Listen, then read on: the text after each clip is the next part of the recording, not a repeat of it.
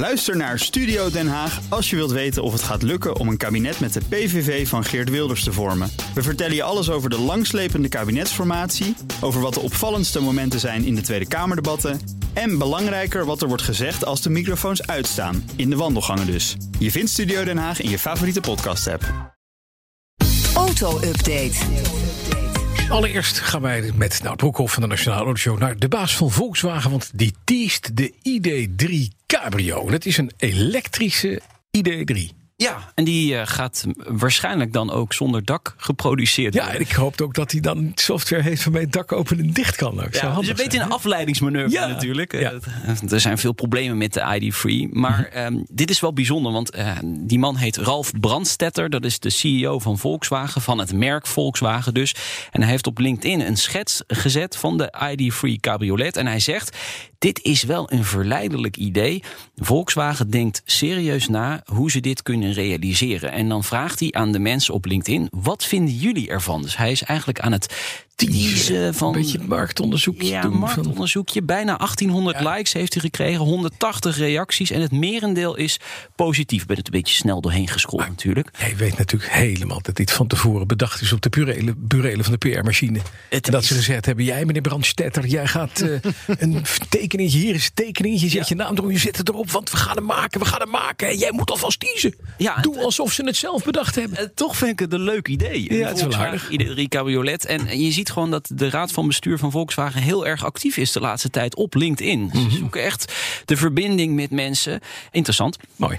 Nederland staat niet meer bovenaan de EV Readiness Index. Ben je net met BNR Mobility begonnen, krijgen we dit. Nou, Ja. kom op maar. Gedaald van plek 1 naar plek 2. Dus zo erg is het Oh, nog dat niet. valt mee. Even uitleggen, de EV Readiness Index... dat is een eh, analyse naar elektrisch rijden in 22 landen... uitgevoerd door Leaseplan Corporation, dus het grote Leaseplanbedrijf.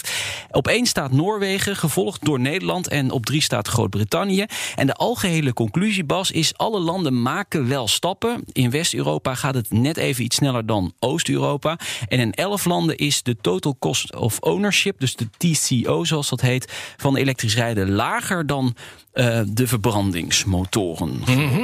Dat is wel een interessante conclusie. Ja, hè? interessante conclusie. Ja. Op die manier wordt het dus bereikbaarder voor mensen om elektrisch te gaan rijden. Ja. Wel is er een kanttekening nog steeds. In veel landen laat de laadinfrastructuur Nog, echt helaas. te over. Ja, ja. Ja. Nou, daar worden bij ons heel veel palen gebouwd. Hè? Ja. Meer palen dan mensen Ik heb hierboven trouwens de, Ja. de Volvo XC40 elektrisch staan. Ja? Ja, Oh, leuke auto. ik heb een Porsche 912 1966. Dat klopt. Ja, op En daar- benzine.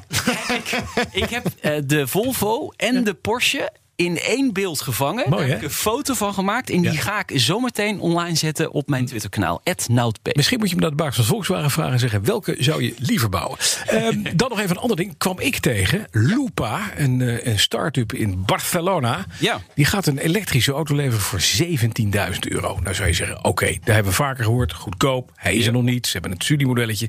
Maar het aardige vind ik wel dat deze meneer, de CEO... eh, Carlos Alvarez, die tussen 2015 en 2020 zegt hij bij McLaren Automotive heeft gewerkt als testrijder. Die gaat nu die auto bouwen. Je mes valt, Bas. Ik kan dat mes werpen. Die, die, gooit, eh, die gaat nu eh, in. Uruguay gaat die auto's bouwen, deze auto bouwen. Het aardige is, er zit een verwisselbaar batterijpakket in. Daar hebben we het iedereen al over gehoord, zo'n Ja. beetje. Maar hij zegt, ik heb een skateboard, dat- die kost 7000 piek. Haal je eruit, zet je nieuwe in de volgende Lupa die je koopt, klaar ben je. Zie jij er wat in of niet? Nou ja, zo kun je de levensduur in ieder geval wel verlengen van zo'n Ja, auto. Precies. ja, 17.000 euro zeg je. Ja. Ik heb even naar de foto's ge- gekeken. Ik vind er een beetje bijzonder uitzien. Dus qua design, hij heeft, hij heeft niet echt kaas gegeten van design. Nee, maar het punt is, hij is heel vierkant, heel hoekig. En dat is handig, want het is makkelijk te persen. Dat Ja. kost niks om te maken, zo'n ding. Precies, daarom is hij zo goedkoop. Ja, en dan is de grap inderdaad dat je, je koopt voor 9000 euro de auto zonder accu. En dat accupakket kan tot 20 jaar mee, zegt hij. En dan kan je hem iedere keer weer in een nieuwe Lupa schuiven. Het klinkt veelbelovend. Ja. Eindelijk weer een Spaans merk, hè? Eindelijk weer in Spaans Ja, werk. Seat is natuurlijk van Volkswagen. Ja, dat is tegenwoordig. Volkswagen. Dus het zou wel goed zijn voor de Spaanse Ja, economie. je bent benieuwd. Bahrein heeft de Formule 1-organisatie een uniek aanbod gedaan. En Ja. de, hoe luidt dat? De hele entourage, dus de coureurs, Ja. teamleden en de media... kunnen in maart het Pfizer-BioNTech-vaccin toegediend krijgen, schrijft de Telegraaf. Hm. Nou, dat is natuurlijk een mooi gebaar, zou je denken. Maar de Formule 1-organisatie slaat het heel beleefd af. De organisatie zetelt namelijk in eh, Groot-Brittannië. En daar is natuurlijk een grootschalige vaccinatiecampagne op gang gekomen. Zeggen, wij wachten gewoon daarop. We gaan niet Tot tot we eerlijk. Ja, maar niet. Oké. De vangs opmaken eerder dan, eh, Maar- dan nodig is. netjes. Of de teams dat ook doen en dit aanbod ook afslaan, dat is nog onduidelijk, schrijft de Telegraaf. Porsche doet mee aan een financieringsronde van supercarbouwer Rimac. Hebben ze al een keer gedaan. Ja, Nieuw geld erin door Porsche. Ja, daar lijkt het wel op. Kan je Ja. even uitleggen? Rimax is een eh, elektrische sportautobouwer uit Kroatië. Wil geld ophalen, 130 tot 150 miljoen euro. Porsche, heel goed van jou, heeft een aandeel van 15,5 procent in Rimax. Ja.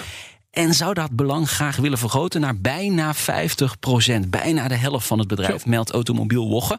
En in die deal zou Mhm. ook Bugatti een rol krijgen. Bugatti wordt dan mogelijk ondergebracht bij dat bedrijf Rimac. En dan weet je al wat de toekomst van Bugatti zal zijn. Ja, Elektrisch. elektrisch. Dat zit. Ja. elektrisch. Ja. Heet ze nou Rimac of Rimac? ja, ik zeg Rimac.